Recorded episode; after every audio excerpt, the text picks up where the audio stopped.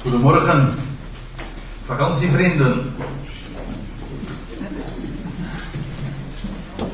Nou, zojuist zei Hans, vlak voor de voorlezing, een bijzondere geschiedenis, maar bent u dat met hem eens of niet? Nou, daar vind je er wel meer van in de Bijbel, maar deze staat toch wel hoog genoteerd, denk ik. Een heel wonderlijk verhaal. En voor degenen die de Bijbel met hele moralistische ogen lezen, hebben we hier in Genesis 38 toch enigszins een probleem. Er wordt hier toch weinig voorbeeld gesteld, kun je wel stellen. En ik wil vanmorgen met u dit gedeelte eens bespreken. En ik heb me voorgenomen om alle 30 versen in elk geval langs te gaan. Dus ik weet niet of u de tijd hebt. Het voordeel van het ontbreken van een camerateam is dat ik wat meer speelingruimte heb. En het is vakantie. Maar ik beloof u, voor drieën bent u hier weg. nou, dan is dat ook weer goed. Nee hoor, ik probeer me enigszins in de tijd te houden, maar hou me ten goede.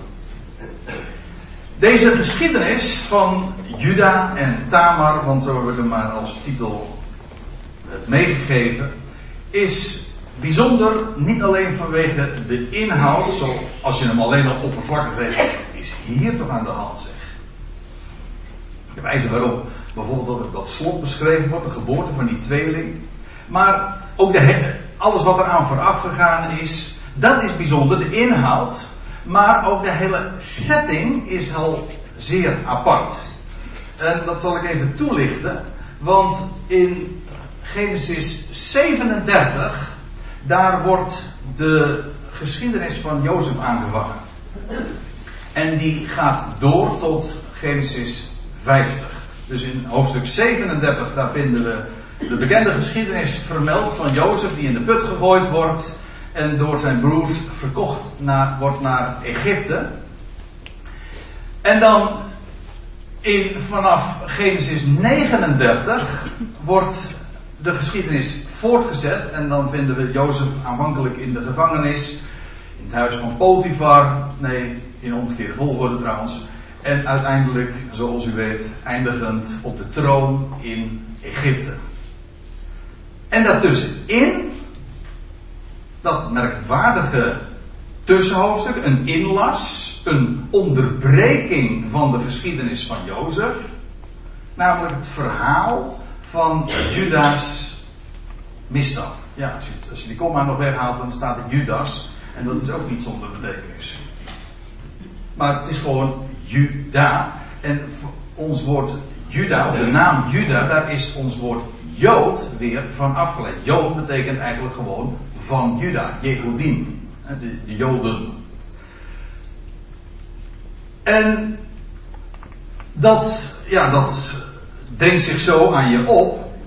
Maar u moet zich realiseren, maar voor de meeste mensen die hier zitten zal dat geen geheim zijn, dat de hele de Bijbel zo messiaans is. Van de eerste bladzijde tot de laatste bladzijde van de Bijbel. Alles wijst heen, expliciet, dat wil zeggen uitdrukkelijk, maar zo impliciet, minder uitdrukkelijk, onder de oppervlakte, naar de Messias. In Genesis 38 is dat trouwens sowieso duidelijk, want wat blijkt, een van die tweeling waarvan we gelezen hebben, en we komen er straks op terug, is de voorvader van David. En nog duizend jaar later van de zoon van David, Jezus Christus. Beide namen van die tweeling vinden we dan ook in het geslachtsregister van Matthäus 1 vermeld. Ja, hoe God, dat is de eerste les die eigenlijk zo voor het oprapen ligt. Hoe God door alle menselijke ongein, want zo mag ik het toch denk ik wel noemen. En al het menselijk gedoe en geklooi, als ik het eh, even zo mag zeggen, want die termen ligt het ongeveer wel. Dat hij zijn plan trekt. Hij gaat zijn weg. Niet vanwege de prestaties van de mens, want daarover is niet naar huis te schrijven, maar ondanks alles van de mens. God heeft namelijk een plan En hij heeft beloofd en dat doet hij. En daarbij maakt hij ook inderdaad gebruik van al, al dat menselijk gedoe. Want dat is de donkere achtergrond waar het tegen zijn genade straalt. Ik moet er trouwens nog even bij zeggen. De geschiedenis van Jozef is een prachtige uitbeelding van, van de geschiedenis van de Messias. De geliefde zoon, die verworpen wordt door zijn broeders, in de put terechtkomt onder de aarde. Uiteindelijk ergens in de verborgenheid komt, dat we in een gevangenis belandt, buiten de samenleving niet meer gezien wordt, daar geheimenissen deelt met, met de gevangenen, maar uiteindelijk op de troon terechtkomt.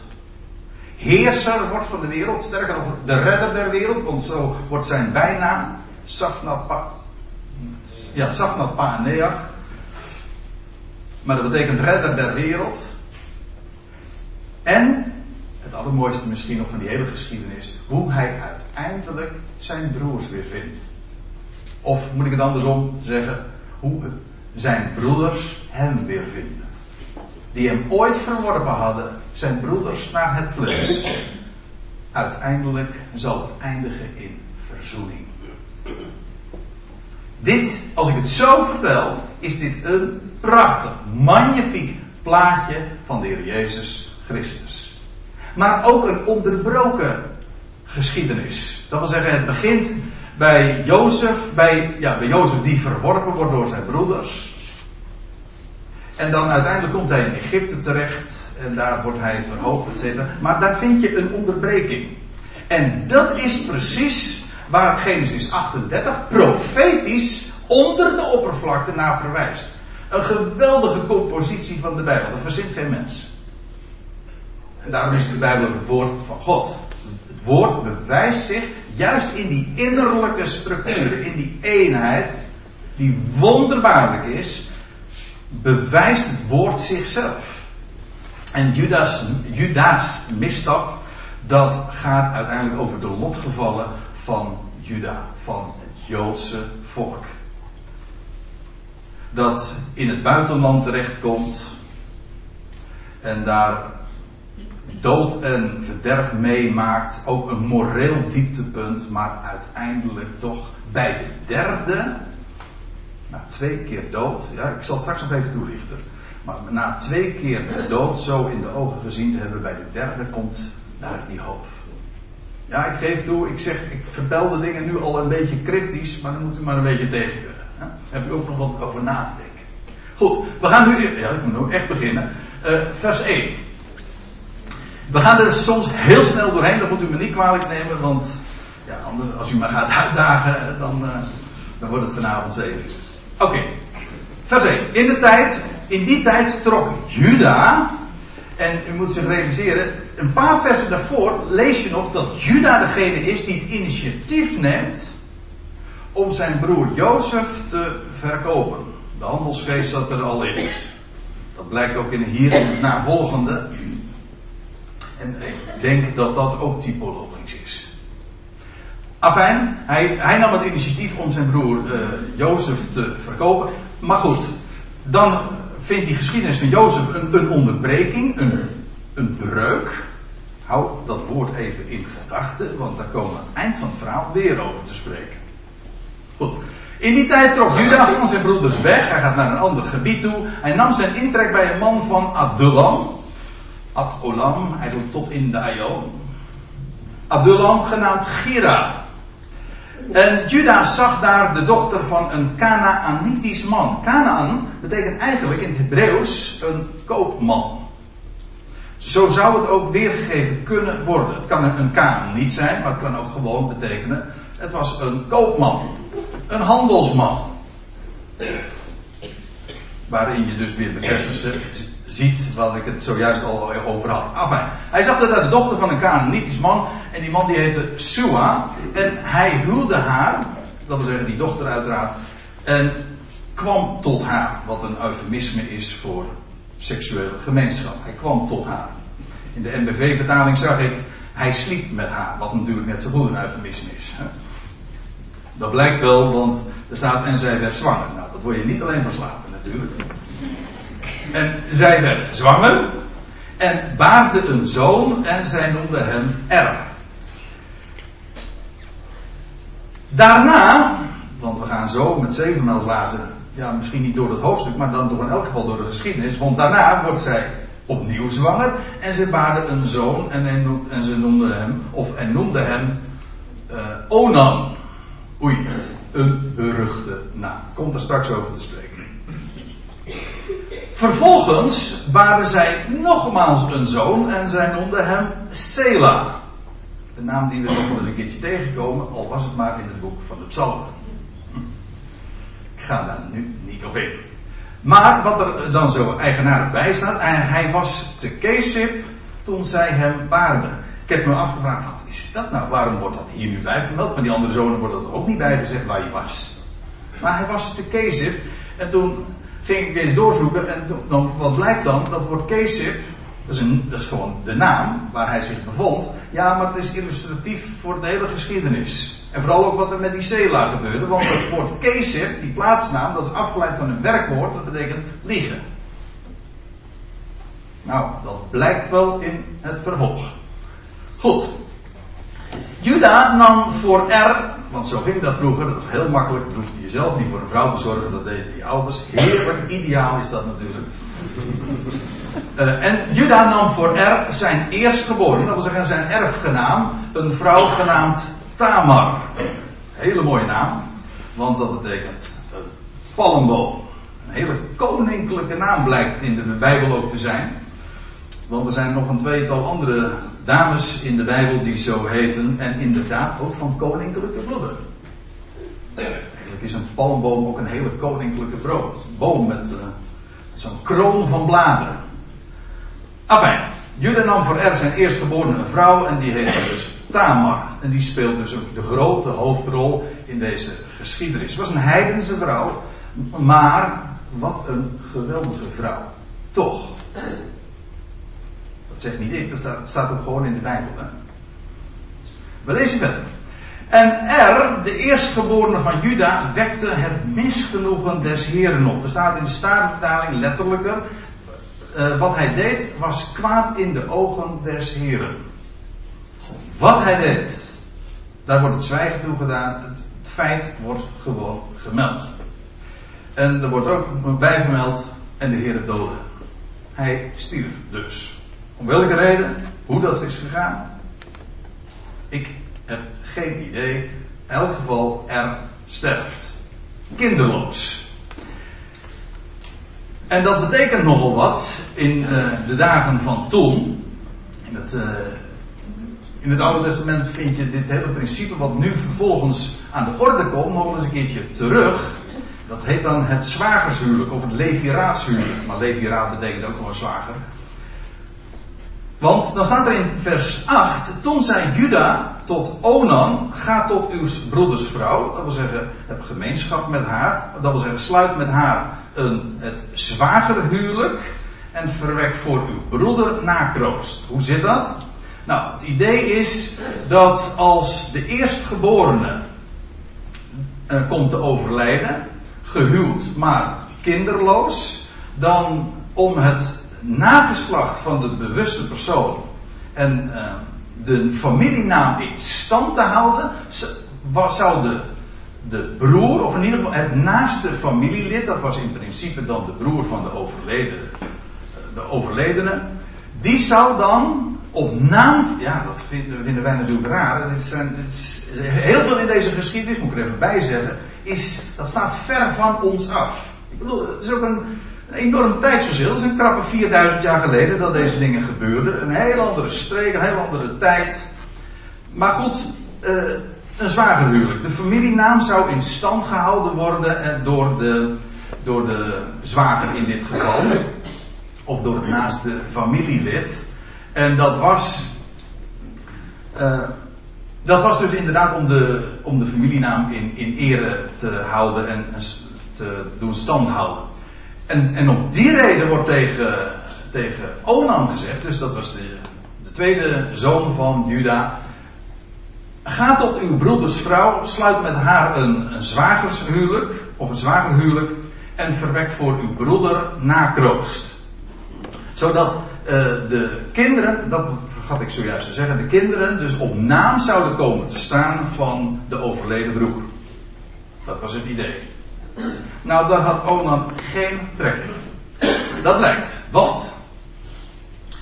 Maar Onan wist dat het nakroost hem niet zou toebehoren, want het zou op naam komen van zijn broer.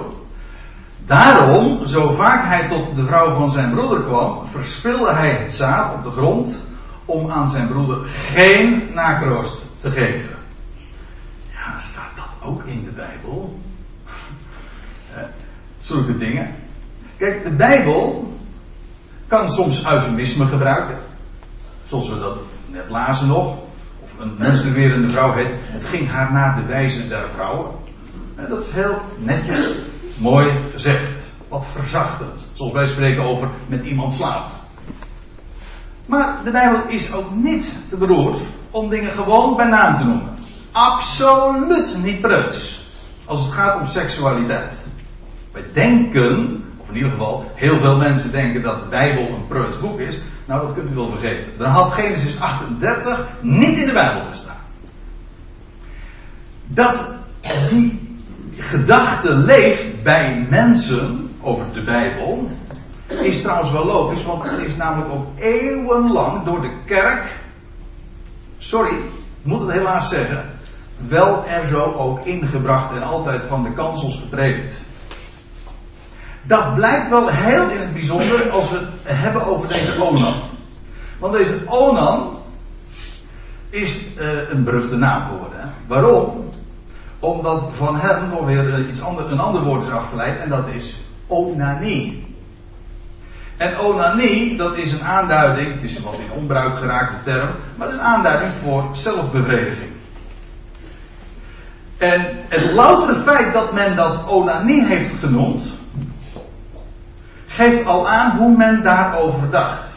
In de hele Bijbel vind je geen letter over zelfbevrediging. Niets, het is volstrekt neutraal begrip. Maar u weet, maar dat geldt voor seksualiteit in het algemeen, dat was altijd zondig, dat was vies, daar praat je niet over. Maar de Bijbel doet dat wel. En de Bijbel vind je dat alles niet, dat veroordelende dat is altijd maar schandelijk. En, dat, en daarmee de mensen ook een enorm schuldgevoel. Jongens en meisjes, met name waarbij de seksualiteit ontwaakt. En zichzelf gaan ontdekken van hé, hey, ik ben man, ik ben vrouw. Uh, en dat normaal gezond zich ontwikkelt, dat kreeg het stempel op van dat is zonde, dat mag niet. En daarmee enorme schuldcomplexen altijd de mensen hebben aangebracht. Dat is afschuwelijk hoor. Ik weet niet hoeveel jongelui uh, zijn daar, of dat nog steeds zo het geval is, ik denk minder inmiddels. Maar zeker in vroegere dagen uh, hebben daar enorm onder geleden. En als ik dat zo zeg, dan zou ik me kunnen voorstellen dat er hier heel wat mensen ook in de zaal zeggen: ja, ja, dat herken ik, dat is ook zo. Altijd maar dat schuldgevoel. Als dat heette onanie, maar wat Onan deed was helemaal geen onanie. Dat klinkt een beetje vreemd. Wat Onan deed, dat was iets heel anders. Ja, dat heeft nog een hele deftige, taak, eh, een hele deftige naam. Maar ja, daar hebben we het straks na het zingen uit de kerk nog wel even over. Hè? Oh, dat grapje mag ik natuurlijk ook niet maken. Maar dat zijn dezelfde mensen waarschijnlijk die ook vinden dat zo'n vers eigenlijk ook niet in de Bijbel hoort. Nee, wat Onan deed, en wat kwaad was in de ogen van God, dat was dat hij zijn broeder geen nakroost wilde geven. Dat staat er gewoon bij. Onan wist dat het nakroost hem niet zou toebehoren. Overigens, ik moet erbij zeggen, op zich had hij het recht, dat was schandelijk wat hij deed, maar hij had wel volgens de latere uh, wet ook het recht om inderdaad af te zien van het zwagerhuwelijk. Dat wel. Goed. Maar wat Onan deed was, uh, of ja, wat kwaad was, hij wilde voor zijn broer geen nakroost geven. En daarom, zo vaak hij tot, zijn, zijn tot uh, Tamar kwam bij de seksuele gemeenschap, uh, verspilde hij zijn zaad op, uh, op de grond staat dan. Dus ik, wil, ik zeg dat er even bij, omdat het hele verhaal over onanie van geen kant klopt. En dan kun je dus zeggen van ja, maar de, over, het gaat over zelfbevrediging, is dat, is, heb je daarmee alles gezegd? Nee, ongetwijfeld niet. Maar ik vind dat er echt iets rechtgezet moet worden. En ik wil het hier gewoon ook bij laten. De Bijbel is absoluut niet preus en staat positief tegenover seksualiteit. Ik denk dat dat in elk geval de boodschap is die na alles wat er is verteld over onanie, wel eens een keertje heel expliciet, ook gewoon vanaf de kansel, gewoon op grond van wat er staat geschreven, mag klinken. Ja? Goed, we gaan verder, want we zijn nog maar in vers 9. En hetgeen hij gedaan had, dat gaat niet over die zaadverspilling, maar dat hij zijn broer geen nageslacht wilde verwekken, dat was kwaad in de ogen des Heren. Het motief waar hij dat mee deed, deugde niet. Ten meer ook daar hij wel de schijn wilde ophouden. Want hij had wel het huwelijk met haar gesloten, enzovoorts. Maar als. Nou ja, nou moet ik er wel netjes blijven. Uh, uiteindelijk uh, wilde, wilde hij geen nageslacht verwekken voor zijn broer. Goed, hetgeen hij gedaan had, dat was kwaad in de ogen van de Heer. Blijkt ook wel, want hij komt te overlijden. Some way, somehow. En dan in vers 11, toen zeide Juda, dat is de tweede keer dood. Dan bij de derde keer, de derde zoon, die zoon heette Sela. En Sela betekent spruit. En spruit is een messiaanse naam. Daar kan de hoop gaan gloren. Dat doet het ook, maar wel naar heel wat voeten in de aarde. Wat staat er? Vers 11. Toen zeide Juda tot zijn schoondochter Tamar: Ga als weduwe in het huis van uw vader wonen. Totdat mijn zoon Sela groot is. Maar het was een voorwendsel, een smoes. Want hij dacht van ja, nou, ik, ik heb nou twee zonen aan haar gegeven en ze gaan alle twee dood. Daar word je een beetje bijgelovig van. En zij dacht, hij dacht van, nou, um, er staat er trouwens ook bij, uh, totdat mijn zoon Sela groot is, want hij dacht dat ook hij niet sterven, evenals zijn broeders. Eigenlijk wilde hij haar, uh, wilde hij Sela helemaal niet aan die Tamar geven. Maar goed, onder een voorwendsel zegt, blijf nou maar gewoon weten totdat. Kennelijk was Sela nog niet oud genoeg om, te, gehuwd te worden. En dan staat er, en Tamar ging in het huis van haar vader wonen. Na verloop van vele, vele dagen stierf de dochter van Sua, dat was dus de vrouw van Juda. En nou krijg je echt de morele dieptepunt van de geschiedenis. De schijnheiligheid van Juda druipt eraf. Echt uh, stuitend is dat. Na verloop van vele dagen stierf de dochter van Sua, de vrouw van Juda. En toen Juda de rouwtijd ten einde gebracht had, ging hij naar de scheerders van zijn schapen. En hij en zijn vriend Gira, de Adulamiet, naar Timna toe. Dus er was een kennelijk een of ander festijn, een feest, een scheerdersfeest. Dat is een heel oud gebruik. In die dagen dus al. Dat is heel frappant door dat schapen scheren. Maar daar gaan we het nu verder even niet over hebben. We de, lijn van het verhaal over vasthouden. In elk geval, hij ging naar de scheerders dus van zijn schapen. Hij en zijn vriend Gira. En dan, dat was in Timna. En toen aan Tamar dat bericht werd. Zie, uw schoonvader is naar Timna gegaan. Om zijn schapen te scheren. Trok zij haar weduwkleed uit. Want zij Tamar had een appeltje te schillen met, met Juda. Hij had haar iets beloofd, maar niet gedaan. Goed, zij trok haar weduwkleed uit, bedekte zich met een sluier, vermomde zich en ging zitten aan de ingang van Enaim. Dat is een zijweg naar Timna, dat aan de weg naar Timna ligt omdat zij gezien had dat Sela groot geworden was en zij hem niet tot vrouw was gegeven.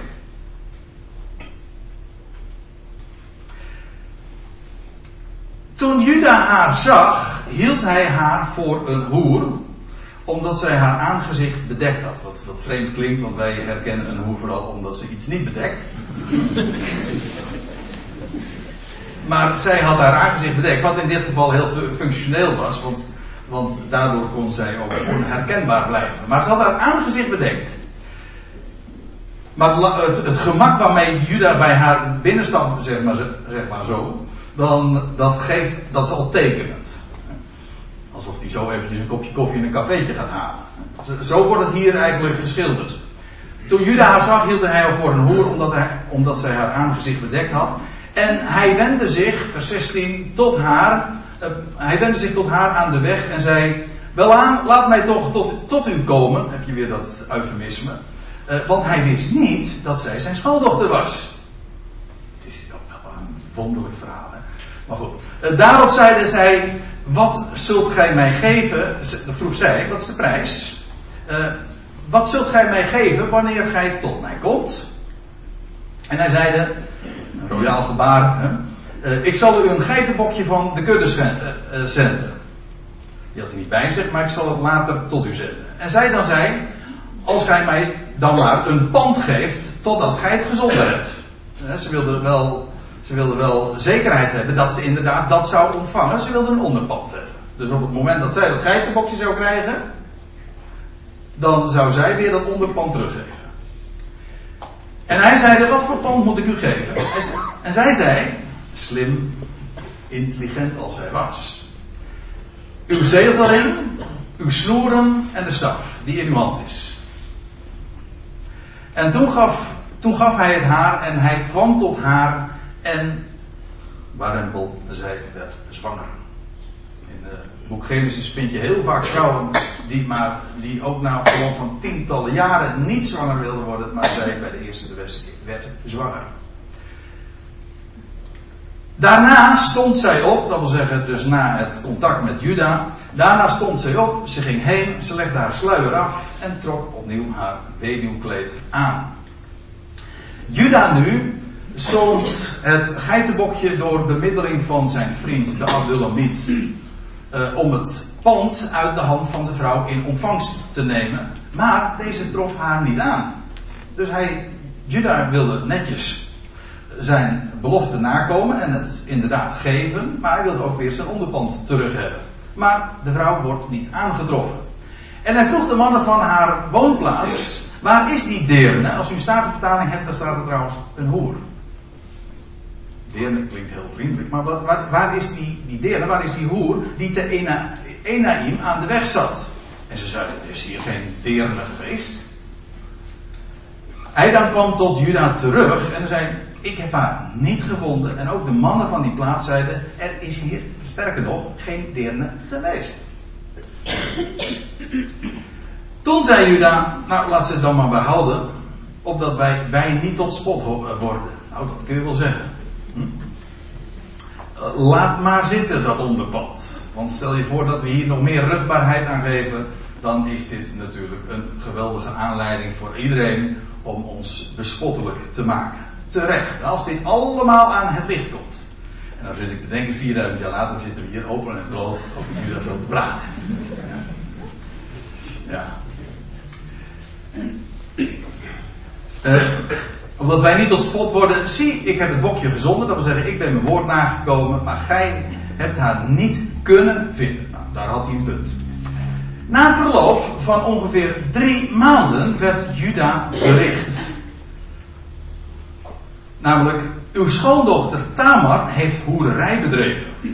En zie, zij is ook zwanger door hoererij. En toen zei Juda, breng haar naar buiten opdat ze verbrand worden. Ja, dat ging er toen in die dagen nog niet zachtzinnig aan toe.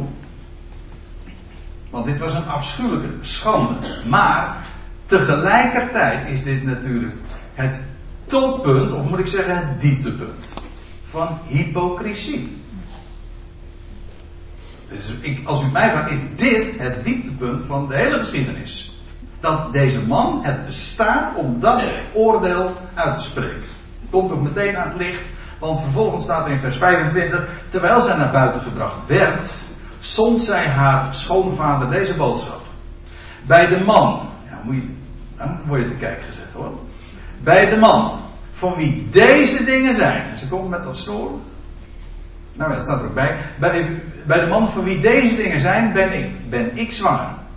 En ook zeiden zij, kijk eens goed, van wie deze zegelring, de snoeren en de staf zijn.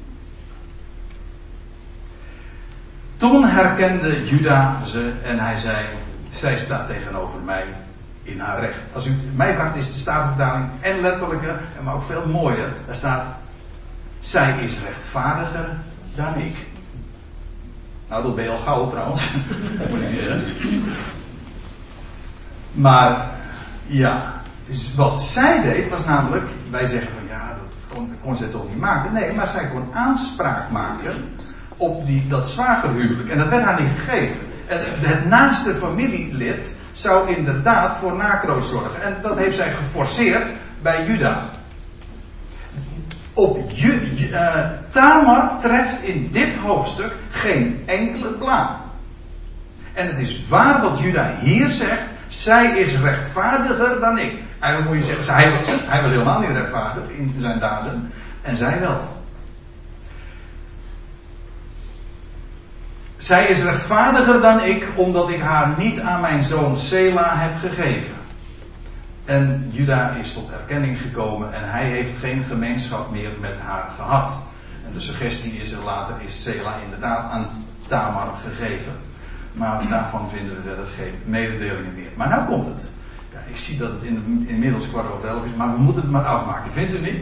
Ja. Nou, het mooiste komt, vind ik. Ja. Ja, ik weet niet eens hoe lang ik bezig ben, maar ik, heb, ik zie maar geen bordjes van vijf minuten op.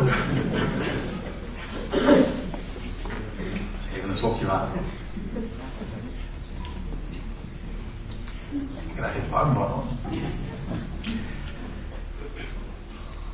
Vers 27. Toen het nu de tijd was dat zij baren zou, was er een tweeling in haar schoot.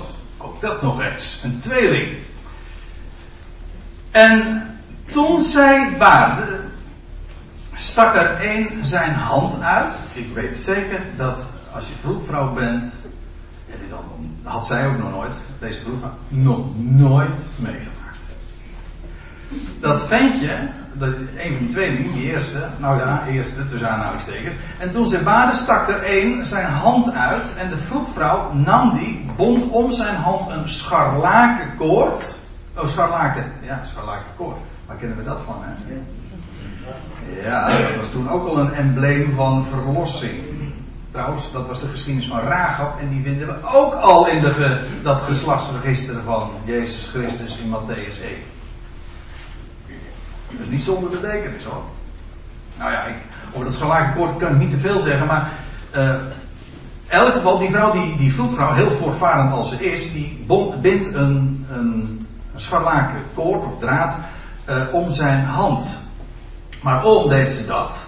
Wel, dat zou de eerstgeborene zijn, zodat ze bij de geboorte niet verwisseld worden. Dat is namelijk het eerstgeboorterecht, dat is weer zoiets wat in onze beleving zo, ja, wat, uh, zo vreemd is. Het staat ver van ons af. Maar eerstgeboorterecht is buitengewoon belangrijk in de Bijbel. Wie het eerstgeboren is, is de erfgenaam. Trouwens, wonderlijk in het boek Genesis, het eerstgeboorterecht gaat nooit naar de eerste. Hier ook weer. Gaat stevast naar de volgende. Dat is, dat een wetmatigheid zelfs. De eerste, het meest typerende van een eerstgeborene is dat het geen eerstgeborene is. Niet de eerste, maar de tweede. Denk ik dan. Ja, goed. Uh, toen zij baarde, stak er een zijn hand, stak er een hand uit en de vroedvrouw nam die, bond om zijn hand een scharlakenkoord en zeide: Deze is het eerste komen. Het is maar dat u weet. Maar, nou komt het. Toen hij, en toen hij zijn hand erin trok. Ja, ik heb hier geen plaatje bij.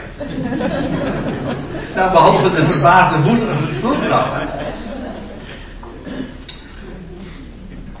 En hand toen hij zijn hand weer introk, daar kwam zijn broer. En, en zij zeiden, hoe krachtig zijt gij doorgebroken. En ze gaf hem de naam Peres. Hoe is het mogelijk? Hij, hij doorbreekt dat. En, en hem werd de naam gegeven, zij gaf hem de naam. Terwijl ik het lees, is, valt het me voor het eerst op dat zij de naam geeft. Ja, zij gaf hem, de vroedvrouw geeft de naam. Ja, zij gaf hem de naam Peretz. Peretz, zeggen ze in het Hebreeuws. Dat wil zeggen, dat betekent eigenlijk breuk. Gaan we even terug naar die geschiedenis, die onderbreking. Nou, hier wordt een geboorte onderbroken. En zij gaf hem de naam Peretz. Ja, dat is dus breuk, ja. En, en daarna kwam zijn broer, aan wiens hand de scharlaken draad was. En men noemde hem Serach. En Serach is, betekent opgaand licht. Een naam die de Messias trouwens in het boek Jezaja ook draagt. In Jezaja 60, het opgaande licht. En dan gaat het over de Messias die straks zal komen in heerlijkheid en de, en de nacht van deze wereld zal verdrijven en een nieuwe morgen zal aanbreken. Het opgaande licht. Ja, dat opgaande licht komt, maar wel na een onderbreking. Na die uitgestoken hand, die uitgestoken hand met die, dat scharlakenkoord, dat spreekt van de eerste komst van de Messias. Hij was de eerste. Jawel. En toen was het God zelf die de hand uitstak. De Messias, of in dit geval moet ik wat correcter zeggen, de Messias stak zijn hand uit. Het koninkrijk zou ook in die dagen openbaar geworden zijn. Dat gebeurde niet. Het wordt onderbroken. Genesis 38 staat na Genesis 37. Ik bedoel, dat is understatement. Hè? Dan zegt u ja, hè, hè. Na de verwerping van Jozef en nadat hij geworpen is in de put. Enfin, die hand wordt uitgestoken. Scharlakenkoord, het embleem van de doorboorde handen. Ja, die kwam. Daarna kwam zijn broer aan wiens hand dit scharlaken draad was en men dan noemde hem Serach. Dat wil zeggen dat licht dat gaat komen, maar dat geeft heel wat voeten in de aarde. Daar is een onderbreking. En feitelijk, beste mensen, leven wij vandaag in die twee dagen van duizend jaar, twee keer, ja, twee dagen, waarin de geschiedenis, Gods heilgeschiedenis onderbroken is, stilstaat. Maar het opgaande licht zal komen. Absoluut. Maar na een onderbreking. Wij leven vandaag in die periode. Die onderbreking. Waar is van. In Hosea 6 lees je twee, dat Israël twee dagen dood. Twee keer dood, hè? Twee dagen dood in het graf zal liggen. En dan op de derde dag, na twee dagen, zal het worden opgericht. En dan komt hij tot ons als het stralende morgenlicht, Serach. Staat zo in Hosea 6. Zodat deze geschiedenis onder de oppervlakte op een fantastische wijze verwijst naar de komst van de Messias. Niet direct in een onderbreking, maar het licht gaat komen. Door alles heen werkt God zijn plan uit. En hij is, God zij dank, niet afhankelijk van, onze, van ons gedrag. Hij belooft. Hij geeft. En als u alles nou van vanmorgen vergeet. Denk ik niet, want het is toch een verhaal dat blijft haken. Hè? Als u nou alles vergeet, dan zeg ik tot uw dienst. Maar als u maar één ding onthoudt. Beste mensen, wij hebben een God die werkelijk God is. En hij geeft zijn belofte, hij geeft zijn woord. En dan kun je opbouwen. Hij heeft niets te maken met je eigen gedrag. En mensen zeggen als daar moet je mee uitkijken, want dan gaan mensen maar het wilde wegleven enzovoort. Doe het maar. Probeer het maar. Ken hem. Als je dit woord kent, dan gaat het er niet meer om wat jij ermee doet, maar dan, dan, dan, zul, je, dan wat anders beleven. Dan zul je zien wat het woord met jou gaat doen. Kijk, en daar, daar geloof ik in, in wat Hij bij machten is te doen en wat Hij uitwerkt. Zullen we met elkaar naar onze Hemelse Vader danken. Trouwe God en Vader, we danken u voor uw woord. Waar zouden we zijn zonder dat woord, zonder die belofte? En het is precies zoals we zojuist zongen. Wij zijn slechts als adem. Een ademtocht. Vergankelijk. We zijn slechts voorbijgangers hier. En uw woord vergelijkt ons leven met het gras. Als een bloem in het veld. Dat weer verdort en de, de wind daar overheen gaat. Wij zijn slechts stervelingen. En wat is het geweldig dat we in dit leven, waarin ons zo, zoveel kan gebeuren, waarin we zoveel kunnen meemaken. Nou, een hoofdstuk als wat we zojuist hebben gelezen, illustreert dat wel treffend. Maar u hebt gesproken en dat verandert nooit. Onze ontrouw doet totaal niet, maar dan ook werkelijk in geen enkel opzicht uw trouw teniet. Heer, we danken u dat u ons werkelijk grond onder de voeten geeft. Een rotsbodem waarop we mogen staan. Dat we mogen weten en eruit mogen leven. Dag in dag uit. Dat u nooit laat varen de werken van uw handen. Soms lijkt het erop, soms lijkt het op een breuk. Er is ook een onderbreking in uw handen. Maar u laat het nooit varen, u laat het nooit schieten, u pakt weer op wat u begonnen bent. Hij die in u een goed werk is begonnen, zal het ook voortzetten, zegt later de apostel Paulus. En Heer, we danken u dat we mogen bouwen op zo'n woord van genade. We danken u dat we op mogen zien naar boven. Niet ons hoeven blind te staren op, op deze wereld, wat er speelt, op de duisternis om ons heen. Misschien wel heel dichtbij in ons leven. En misschien zelfs wel de donkerte, de duisternis in ons hart. Er is maar één ding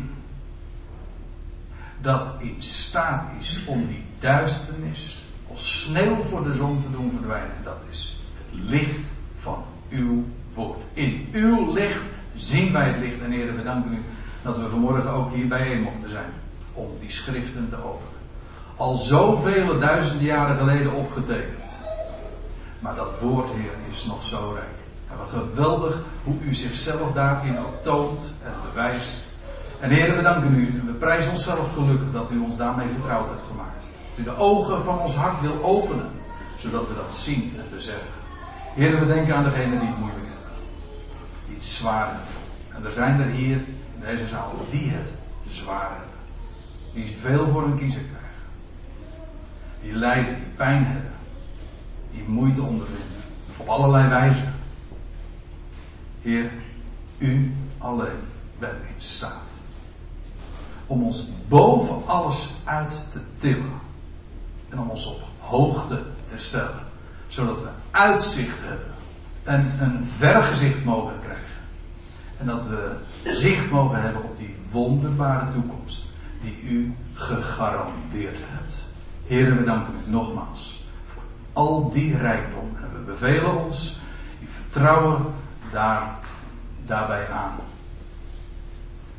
In de naam van uw zoon, de grote overwinnaar. Hij die het graf ooit leeg achterliet, de overwinnaar is op de dood. En die eens en voor altijd de dood zal teniet doen. Amen.